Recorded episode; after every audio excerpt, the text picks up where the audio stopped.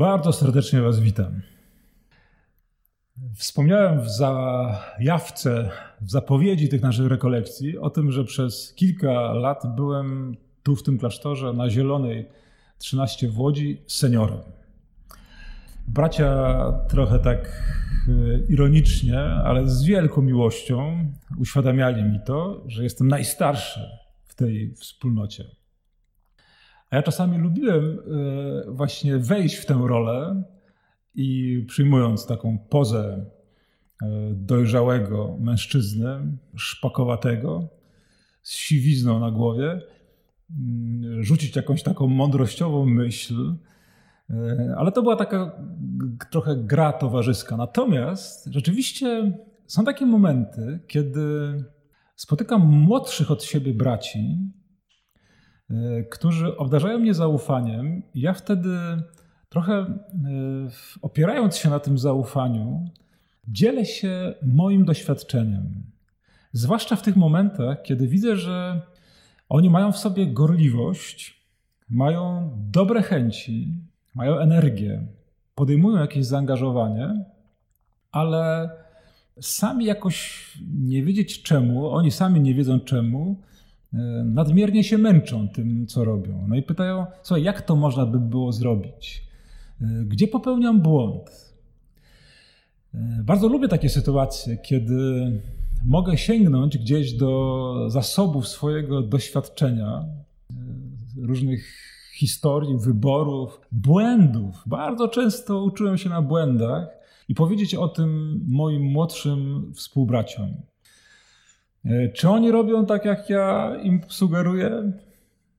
Robią i nie robią, no to różnie bywa, ale to w ogóle nie w tym rzecz, żeby innych stawiać pod ścianą i mówić, masz zrobić tak, jak ja ci mówię, bo jestem dojrzalszy. To by było bez sensu. E, dziś zapraszam do spotkania e, z człowiekiem, któremu na imię Jetro. I Jetro to jest teść Mojżesza. Mojżesz już sam jest y, dość wiekowym panem, no ale ma zadanie, które absolutnie go przerasta. Stoi przed szeregiem takich decyzji y, wobec ludu Izraela, no, które nie są na jedną głowę, które wymagają ogromnej elastyczności kolejnych odsłonach jakichś kryzysowych sytuacji, z których w zasadzie utkana jest ta podróż przez pustynię. Więc jest taka scena, kiedy, e, jak to opisuje Księga Wyjścia w 18 rozdziale,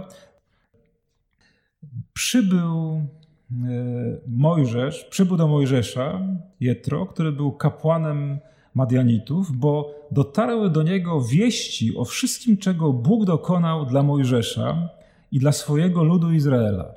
Jetro jest człowiekiem, e, który jest dumny ze swojego e, teścia, zięcia. Zawsze mi się mylą te, te rzeczy. E, więc przybywa do niego, bo usłyszał, że przez ręce Mojżesza dokonują się wielkie rzeczy, że Bóg wybrał Mojżesza, więc z dumą przyjeżdża do niego, żeby się razem z nim ucieszyć. I czytamy, że spędzili dość długi czas ze sobą, e, oddzieleni, rozmawiając. To jest ta cudowna cecha bycia człowiekiem dojrzałym, że wobec młodszego od siebie, który jest na pierwszej linii zaangażowania, e, jesteś kimś, kto chce go zaafirmować, kto mówi: Bardzo się cieszę z tego, jak Bóg cię obdarował. Bardzo się cieszę z tego, co ty robisz, chłopaku. Jestem dumny z ciebie, jestem dumny z tego, że właśnie ciebie Bóg wybrał, a że ty powiedziałeś tak, chcę współdziałać z tym wyborem. Wyobrażam sobie tych dwóch mężczyzn, którzy siedzą i rozmawiają, i Pietro słucha uważnie tego wszystkiego, co mu opowiada Mojżesz. Słucha z zaciekawieniem, chłonie. Na jego twarzy maluje się duma i radość i ogromna afirmacja.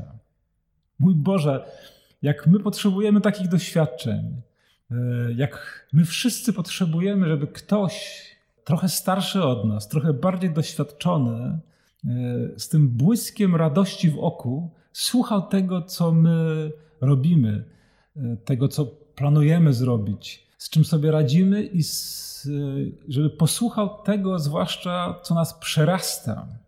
Jak bardzo potrzebujemy takich właśnie słuchających, dojrzałych seniorów, którzy nie będą się spieszyć e, z pouczaniem, albo nie będą spieszyć się e, z wytykaniem jakichś błędów, tylko najpierw z radością po prostu spędzą dużo czasu z tymi młodszymi od siebie, ciesząc się, że oni są zaangażowani, że podejmują ryzyko życia, trud, odpowiedzialności.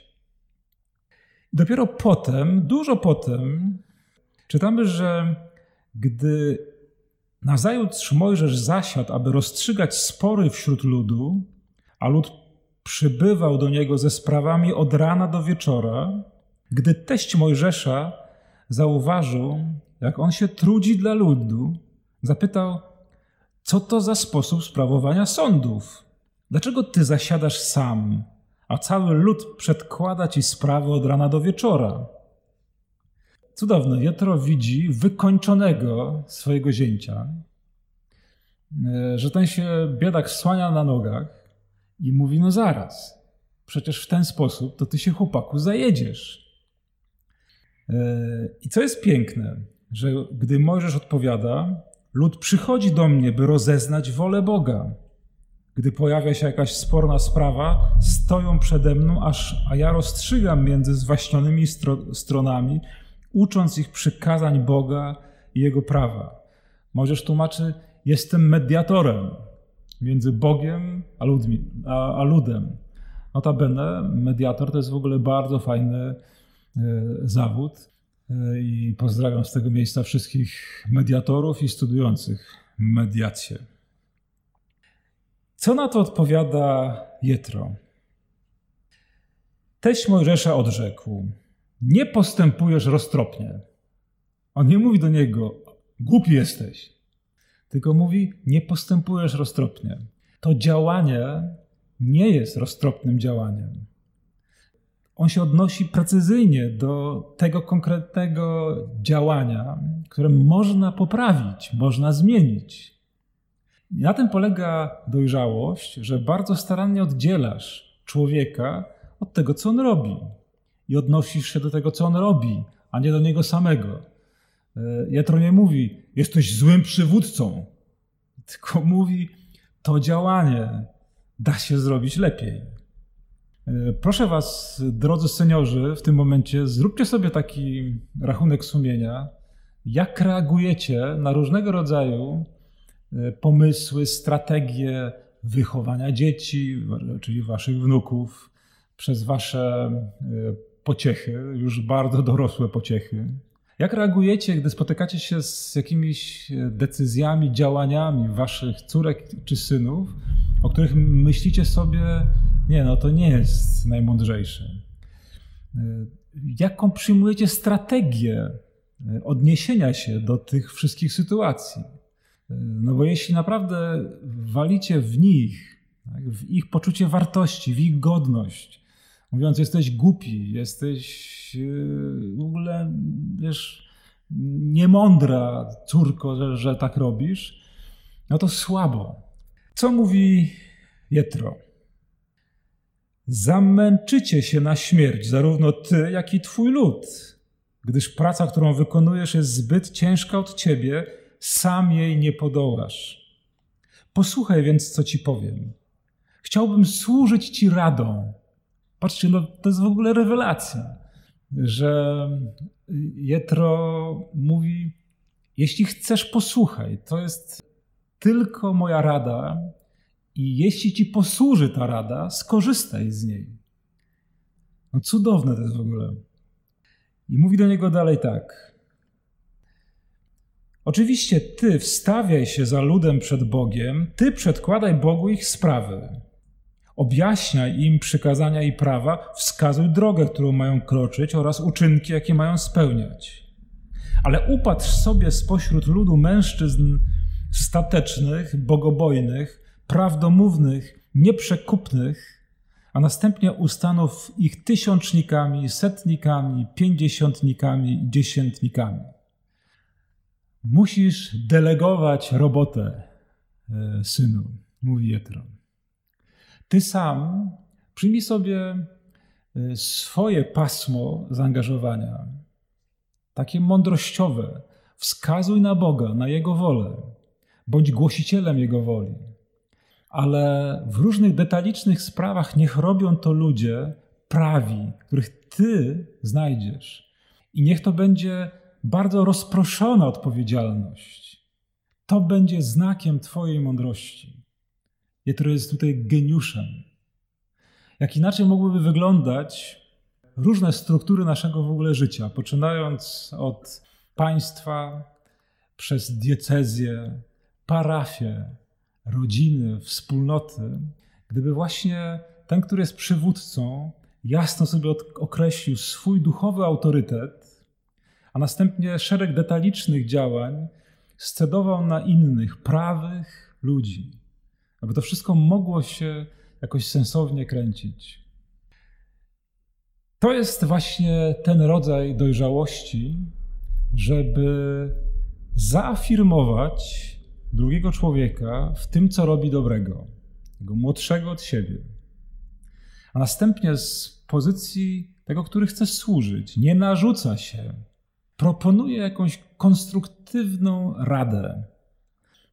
Nie jest wcale łatwo, nie, nie jest trudno skrytykować, ale wskaż jakiś konstruktywny sposób, jak ogarnąć trudną sytuację.